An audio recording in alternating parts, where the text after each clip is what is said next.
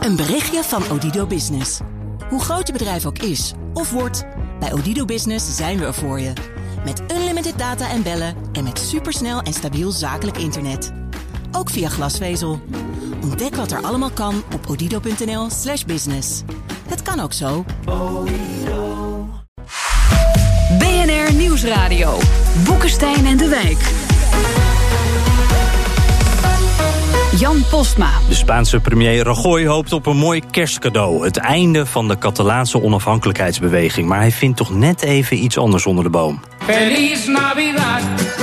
In a blow to Prime, Prime Minister Mariano Rajoy, Catalans have backed the pro-independence parties. De partij van Rajoy werd gedecimeerd. Van elf zetels naar drie zetels. Y la primera fuerza política del Parlament se llama Ciudadans de Catalunya. Dat betekent dat de enigen die een echte meerderheid halen, dat de drie pro-onafhankelijkheidspartijen zijn. La República Catalana ha guanyat a la monarquia del 155.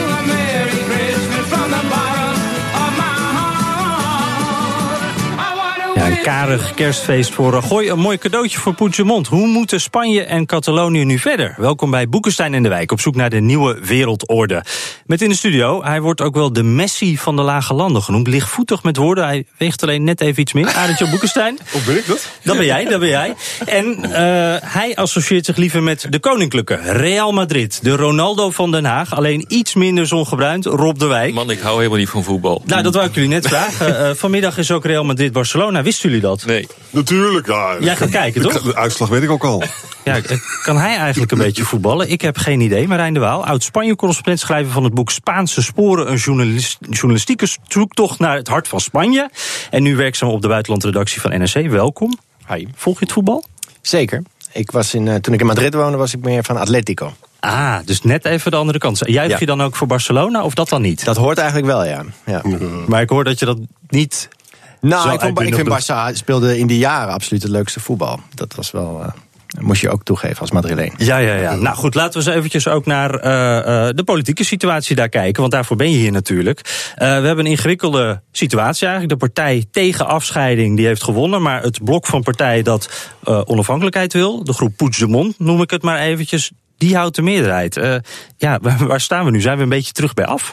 Eigenlijk wel, ja. Kijk, toen Rajoy die verkiezingen uitschreef door eh, te interveneren daar in Catalunya, zei ja, het wordt tijd voor een nieuwe etappe. Nou, die nieuwe etappe lijkt er niet echt eh, te komen. Ik bedoel, er zijn binnen de verschillende de twee kampen wel wat verschuivingen. Maar uiteindelijk houden ze zich net zozeer in evenwicht als eh, voor deze verkiezingen. Ja, nou laten we eens even kijken naar die twee kanten. Eh, de twee kampen ook. Eh, de kant van Rajoy is maar even. Die ja, gokte dat nieuwe verkiezingen hem dus zouden helpen. Het tegenovergestelde is eigenlijk gebeurd. Ja, wat, wat betekent dat nou voor de positie van die man, Arend Jan? Nou ja, kijk, Rajoy is een sphinx. Hè? Dus een man die niet zo van persconferenties houdt. Hij moet er vandaag eentje geven na het kabinet. Maar goed, hij heeft een gok gedaan. Ik, ik, waarvan ik er zelf, moet ik je eerlijk opbieden... ik dacht dat Rajoy iets slims had gedaan met deze optie. Want ik, het leek ook in de pols. Hè, dat dus de, het was duidelijk dat veel Spaanse bedrijven overwogen... om te vertrekken uit Catalonië. Ik dacht zelf in de redelijkheid van de mensen... van ja, als je er dan dus uitgaat, dan ga je ook uit de Europese Unie. Dat lijkt me niet handig als je een baan hebt in Catalonië. Ja. Dus misschien dat dus de mensen die uh, uh, tegen afscheiding zijn... dat die wat minder stemmen kregen. Mm Rajoy heeft er ook op gegokt. Ja. Maar kennelijk heeft hij te hard gebeukt... Hè, met al die politiedingen en ook mensen in de gevangenis gezet... en dan krijg je toch Bij dat referendum. Ja, ja. ja, dat is wel logisch natuurlijk dat je dat gaat uh, krijgen. ja, dat, is, heeft hij het over ik, zichzelf afgeroepen? Ja, dat vind ik wel. Want uh, het is een, uh, een, een redelijke wetmatigheid... dat wanneer je op een land, wat dit natuurlijk niet is... maar laten we nou even ervan uitgaan dat mensen voelen dat dit een land is... heel veel druk van buiten gaat uh, uitoefenen... ja, dan gaat daar een reactie komen. Dat zie je bij alle landen in de wereld. En ook met mensen die van een onderdeel van een land een echt land willen maken. Mm -hmm. Dat is, ja, weet je, dat is natuurlijk gewoon wat je gaat krijgen. Met redelijk rampzalige gevolgen. Want dit betekent uh, dat de posities feitelijk verharden. Want ik denk dat de aanhangers van Rajoy zullen zeggen... Spanje zal zeggen van ja, maar hoor eens even... als je kijkt naar het aantal mensen dat voor onafhankelijkheid heeft gestemd in Catalonië... dan is dat minder eh, dan de aanhangers van onafhankelijkheid. Eh, maar omdat je dan een bepaalde rekenmethode hebt, waarbij het platteland bijvoorbeeld, eh, ben je in de situatie gekomen dat toch de pro-separatisten, of de separatisten hebben gewonnen.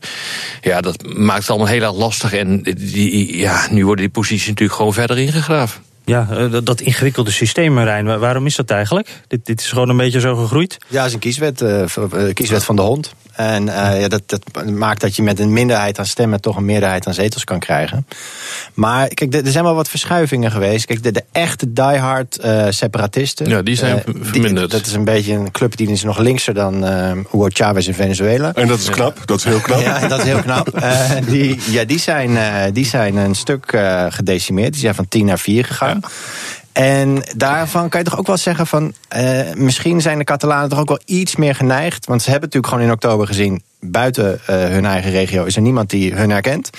Dat er toch wel iets meer... Uh, ja, dat ze wel iets van consensus willen, iets van dialoog. En dat is eigenlijk waar Rajoy vooral gefaald heeft. Hij heeft dit altijd als een juridisch hmm. probleem benaderd... met juridische middelen. Maar het is een politiek probleem. Maar dan zal hij nu een zwaai moeten maken. Ja, absoluut. je zal dus nu de dialoog moeten aangaan. Anders hou je een passtelling waar je gewoon niet meer uit kunt komen, volgens mij. Hoe zie je dat? Nou, kijk, Rajoy is iemand die altijd heel secundair reageert. Hij is een Galiciër, die, is, die komen uit het noordwesten eh, waar het altijd regent. En je, je, hebt een gezegd... in Nederland ook, hoor. Zijn die een beetje als ons? Of, uh... Nou, je hebt, een, eh, je hebt een spreekwoord in Spanje. Als je een Galiciër tegenkomt op de trap, je weet nooit of die naar boven of naar beneden gaat. uh, dus ze zijn heel moeilijk te peilen. En dat is, en dat is Rajoy ook. En Rajoy is, uh, is van heel ver gekomen heeft twee verkiezingen verloren landelijke verkiezingen verloren voordat hij premier werd. Uiteindelijk trok ik toch aan het lang, langste eind. En wat hij eigenlijk altijd doet is gewoon net zo lang wachten totdat zijn tegenstanders vermoeid afhaken. En hij dan maar uh, degene is die het gaat doen. Ja, dat heeft hij hier ook weer geprobeerd. En ik denk ook dat hij dat nu weer gaat doen. Dat ja, maar dat ga je niet lukken. Want eh, nee, uh, onafhankelijkheidsbewegingen zijn meestal diep geworteld in hun cultuur, in hun geschiedenis, in hun volk. En dat ga je dus gewoon niet lukken. En bovendien, de, de uitslag van deze verkiezing is niet veel anders dan van het referendum vorige verkiezingen. Ongeveer 50 50-50 is het binnen die mhm. bevolking. Dus daar zou je toch mee moeten dealen op een of andere manier. Weet je, ik had het gevoel dat uh, Rajoy ook ontdekte dat het electoraal voor hem interessant is. Niet zozeer in Catalonië, want de Partido Popular heeft daar verloren. Maar wel, in eh, Madrid waren mensen natuurlijk toch wel heel... Die gingen de straat op, hè, van ze moeten ophouden, we moeten gewoon één blijven. Maar mijn vraag aan jou is dit van... Kijk, is de, beste oplossing was natuurlijk geweest al vier, vijf jaar geleden dat Rajoy gaat praten met Catalonië. En dat hij dan zegt van nou luister, er zijn allemaal problemen. We hebben, met, met, die eh, constitutionele regelingen hebben ze ook dingen gedaan. Hè. Kunnen wij nou niet hetzelfde doen met Catalonië als we gedaan hebben met Navarra of met Baskeland? Dat wil zeggen, je krijgt dan belastingautonomie. En in ruil daarvoor blijf je er gewoon lekker bij. Dat was natuurlijk, dat hadden we al die shit niet hoeven hebben die we nu hebben. Ja. Nee, dat is absoluut waar. Kijk, in die deal schijnt ook aangeboden te zijn aan de Catalanen tijdens de transitie naar democratie in de jaren 70 toen schijnen ze het afgeslagen te hebben. Het probleem is wel, als Rajoy had dit vier, vijf jaar geleden echt niet kunnen aanbieden. Toen was Spanje uh, middelpunt van de eurocrisis. Ja, dat klopt. Als Spanje zou omvallen, zou heel euro eh, omvallen. Er was absoluut geen geld voor. En daarnaast, kijk, Baskeland, dus dat zijn 2 miljoen mensen. Uh, Catalonië zijn er bijna acht. Dus ja, dat, als je ze ook zo'n belastingregime geeft, ja, dat is wel. Ja, maar dan is het nog steeds niet gezegd dat, dat je daarmee de problemen oplost hoor. Ten eerste is dat gewoon diep geworteld. En uh, als je dus inderdaad concessies doet ten opzichte van uh, de onafhankelijkheid van de landen, zullen de uh, separatisten dat ook interpreteren als een stap vooruit naar onafhankelijkheid. En zullen dat juist als een aanmoediging gaan zien om verder te gaan. Dat zijn. Maar Rob, op een gegeven moment moeten mensen toch begrijpen dat dit ook dan betekent dat je uit de EU-binnenmarkt valt. Ja. Dat Spanje een vetorecht heeft over je herintreding als staat.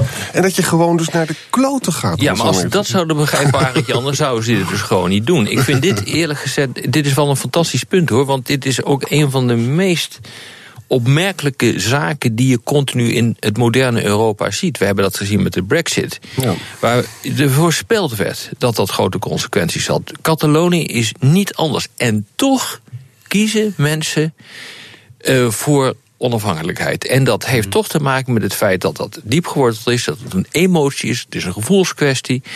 En het is niet zo dat men nadenkt over de consequenties ervan. Dat, dat bewijs wordt wel geweest, door, door, door referenda en verkiezingen keer op keer. hoe zit dat in eh, Catalonië? Is, is dat inderdaad ook het, het gevoel dat het wint van eh, de ratio?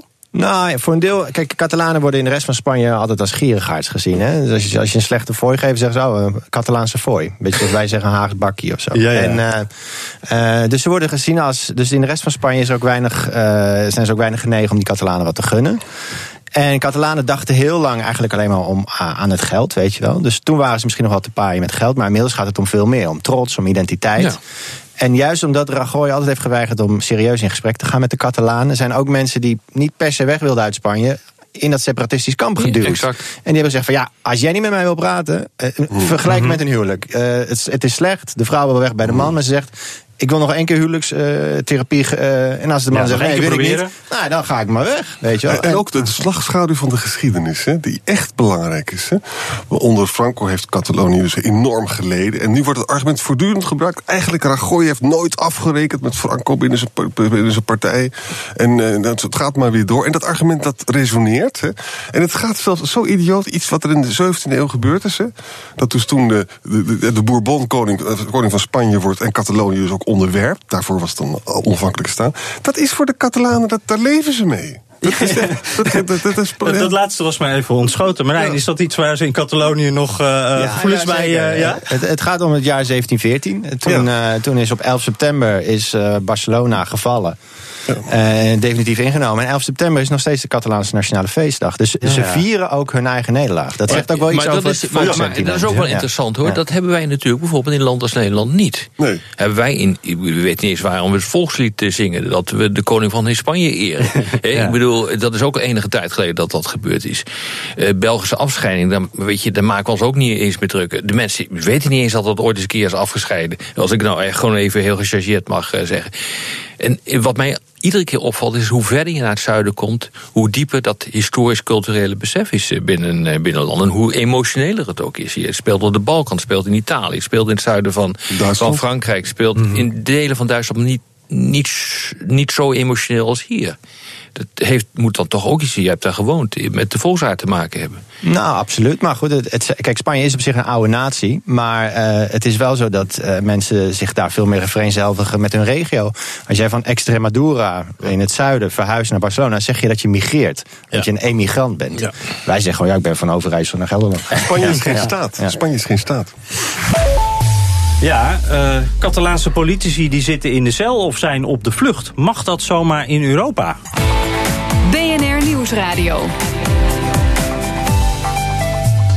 Boekenstein en de Wijk. Op zoek naar de nieuwe wereldorde. Dit is Boekenstein en de Wijk. En het programma is natuurlijk niet zonder Arend-Jan Boekenstein en Rob de Wijk. Mijn naam is Jan Posma en te gast is Marijn de Waal, oud-Spanje-correspondent. Op dit moment werkzaam bij NRC. Uh, Marijn, um, die poetst de mond. Die zit in Brussel. Hij kan niet terug. Maar hij maakt wel een soort comeback. Hoe is die situatie? Zit die man nou een beetje te juichen of te huilen? Nou, ik uh, zat gisteren te appen met zijn spindokter. En die zei inderdaad letterlijk van... Uh, I told you we would be the comeback kid. Weet je wel? en ja. uh, nou, dus hij voelt zich zeker gesterkt. Hij zei ook gisteren in zijn speech van... ja, wij, ik heb het ik een democratisch mandaat teruggekregen... wat Rajoy maar heeft afgepakt. Zo ziet hij het echt. Van, ik ben door deze verkiezingen eigenlijk weer terug op het schild gehesen. Maar praktisch gezien is dat nog helemaal niet zo makkelijk gezegd. Want het Europese arrestatieveld tegen hem is ingetrokken. Maar het Spaanse bestaat nog. Dus zodra hij ook maar één voet uh, op Spaanse bodem zet, wordt hij gearresteerd en zal hij net als bijvoorbeeld zijn vicepresident uh, waarschijnlijk uh, ja, in voorhechtenis worden gezet. Mm -hmm. um, kijk, zogenaamd is de Spaanse justitie helemaal onafhankelijk. Ze luisteren wel een beetje naar de politiek, die rechters.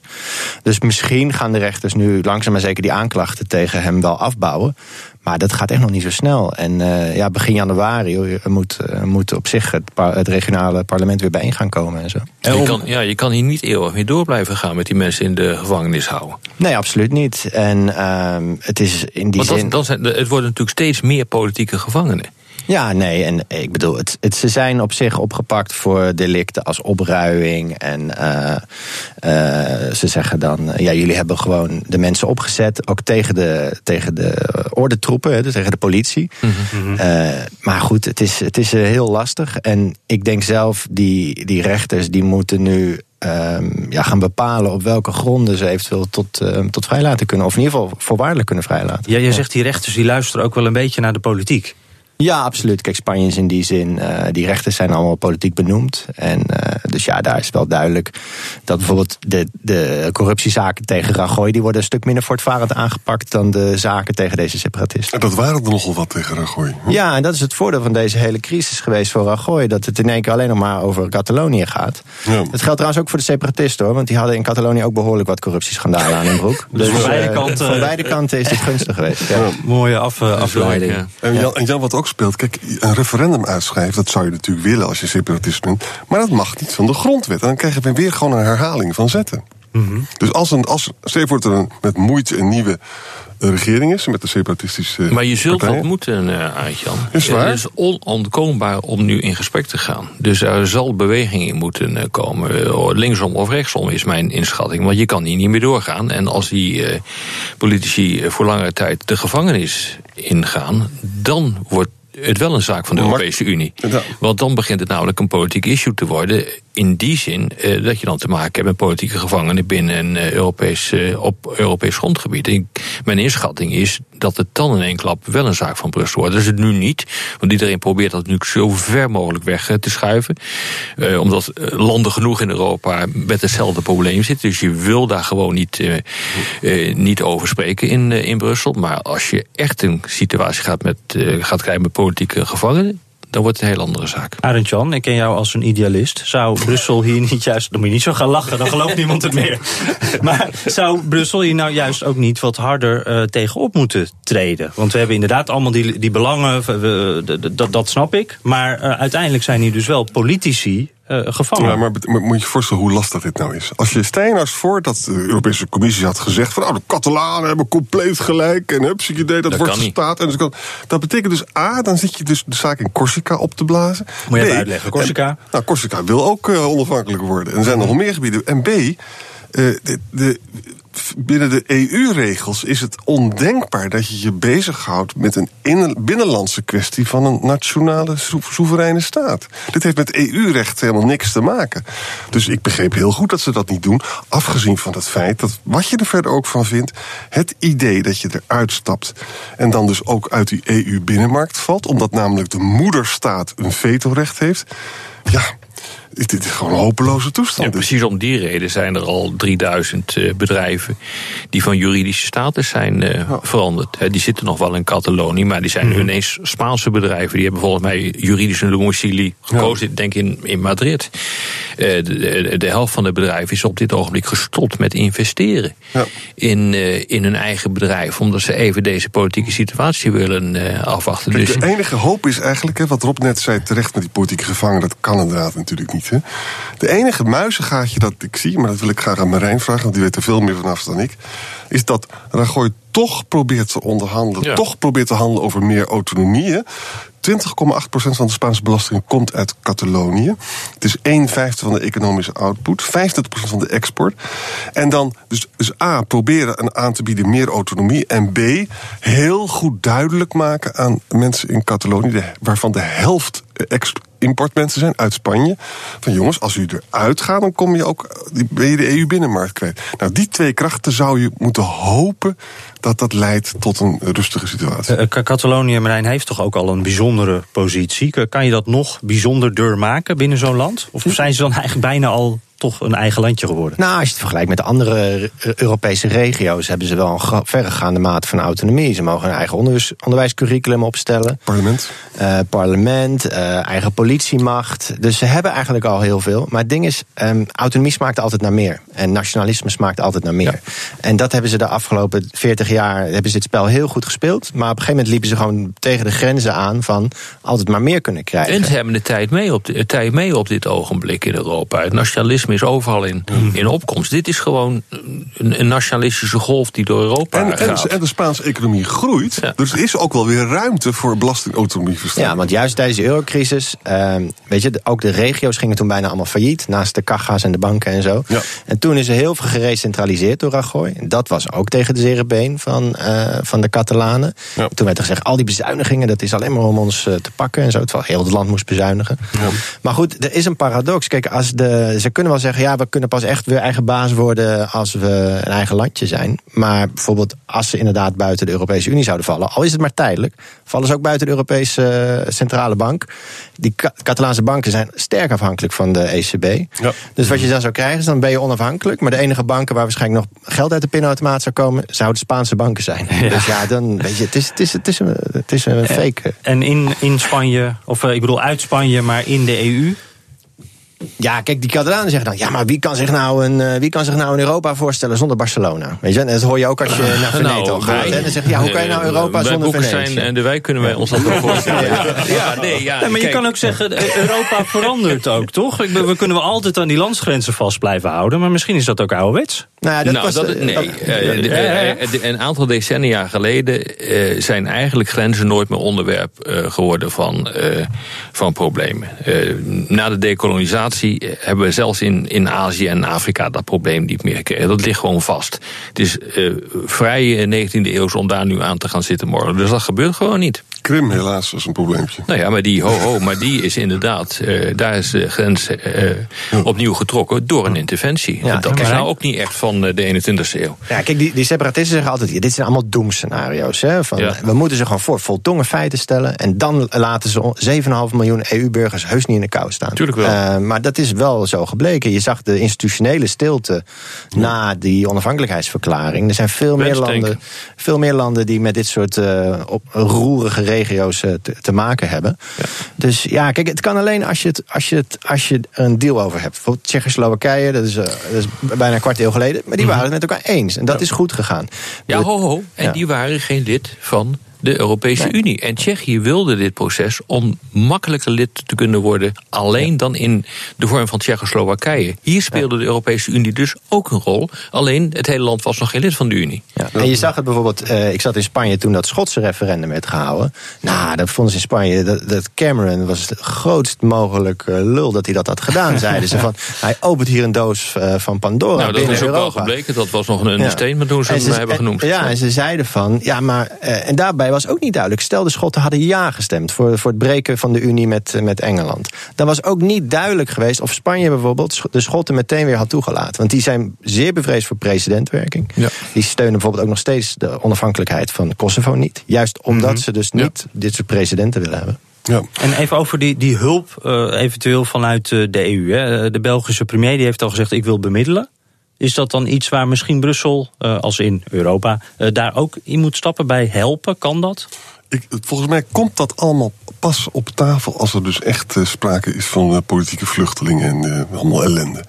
Want, je, moet er, je moet er van afblijven. We hebben een politieke vluchteling, toch? Eigenlijk. Of Ja, meer. Dat is, we zitten er dichtbij, dat klopt. Ja? Maar het, is, het, helpt ook niet. Hè, want Maar dan nu- is, dan is het de vraag of de, Brits- de, de, Britse, de, de Belgische premier dat gaat doen. Of bijvoorbeeld de commissie. Ja. Eh, Dat kun je ook voorstellen. Hè? Dan, eh, dat zou nog, feitelijk nog neutraler Maar, kunnen maar zijn. ik geef het te doen. Als, als- als, je die Spaanse, eh, als je die Spaanse artikelen leest. Dan, mensen zijn zo geïdeologiseerd. En zo totaal niet voor reden vatbaar. Zelfs met professoren aan toe. Die zeggen gewoon. "Ja, Het zijn allemaal, allemaal oude Frankisten. Franco leeft nog. Gezellig praten met zo'n man. Als dat zo allemaal moet. Nou, Marijn, eh, jij zegt ook het publieke debat is harder geworden, hè? Absoluut, ja. Wordt het ook steeds moeilijker dan om elkaar te vinden daardoor? Nou, ik vond wel deze laatste campagne, eh, het laatste debat, vond ik wat ik. Dat is een heel klein lichtpuntje, maar ik wil het toch even noemen. Het ging bijvoorbeeld een tijdje tijdens het debat over de bezuinigingen op openbare crashes. En je ziet dan toch weer dat. Kijk, alle verkiezingen van de laatste tijd in Catalonië zijn elke keer eigenlijk in de mal van een referendum geduwd. Van je bent voor eh, of tegen vertrek uit Spanje. Maar goed, er- spelen ook heel veel andere issues. En daar zijn ze eigenlijk de laatste paar jaar helemaal niet aan toegekomen, omdat alles werd gedomineerd door die onafhankelijkheidsvraag. Ik heb trouwens wel een hoop. Hè. In het verleden was dat zo, daar praat niemand nog over. Iedereen is tegen de EU en kritisch en zo. In het verleden is het zo dat die Spaanse en die Portugese en die Griekse democratie is bestendigd door het EU-lidmaatschap. Dat is echt waar. Als we hier nou toch goed uitkomen, als nu blijkt dat die weg van die Catalaanse afscheiding niet werkt en alleen maar ellende geeft, en Spanje blijft heel, dan is de EU verder met een leerproces gekomen. Hm. En dan is afscheiding wordt dan ook minder belangrijk. Zou zomaar kunnen. Ja. ja uh, ten slotte, want we zijn alweer bijna door de tijd heen. Uh, Marijn, dit klinkt als iets van de lange adem. Dit zou nog wel eens heel lang kunnen duren. Absoluut. Kijk, deze kwestie voert terug, zoals Arend-Jan al zei, tot 1714. Ehm, ja, kijk, dit, dit, tuurlijk, dit is niet zomaar. Deze tijdbom is niet zomaar ontmanteld. in de jaren 70 hebben ze er een soort bezweringsformule voor gevonden in de grondwet. Ja. Ehm, ja, ze moeten opnieuw in de geest van die toenmalige transitie... moeten politici bij elkaar gaan zitten, compromissen sluiten. Maar goed, de Spaanse politiek is is confrontatiepolitiek, niet zo op consensus gericht. Hoewel um, die Puigdemont toch op een aantal punten zich iets gematigder heeft uitgelaten. Ja, en hij wel heeft gezegd van we moeten toch komen tot een politieke oplossing. Absoluut, maar hij is ook van oudsher niet van een hele separatistische partij. Hij heeft zich laten meesleuren door die, door die kleine krakersbeweging eigenlijk in het mm parlement. En die is nu gedecimeerd, dus je mag eigenlijk hopen dat die. Dat is ook een lichtpuntje. Dat is ook ja, de allerradicaalste elementen zijn eruit. Ja. Eindigen we toch een beetje in de kerstsfeer dan eh, met een lichtpuntje en meerdere zelfs. Dit was Boekenstein en, en De Wijk. Ik dank uh, Marijn de Waal. Uh, en uh, namens Arend Jan Boekenstein en Rob de Wijk zeg ik ook dank voor het luisteren. Krijg je geen genoeg van dit programma, abonneer je dan op de podcast. Kan je ze allemaal terugluisteren en laat ook even een recensie achter in iTunes, vinden we leuk. Wij gaan uh, weekend vieren. Arend Jan en Rob hebben een uh, voetbalsjaaltje al om. Real Madrid, Barcelona, toch? Uh, Barça gaat winnen. Nou, die voorspelling daar houden we. Tot volgende week. Een berichtje van Odido Business. Hoe groot je bedrijf ook is of wordt, bij Odido Business zijn we er voor je. Met unlimited data en bellen en met supersnel en stabiel zakelijk internet. Ook via glasvezel. Ontdek wat er allemaal kan op odido.nl/slash business. Het kan ook zo.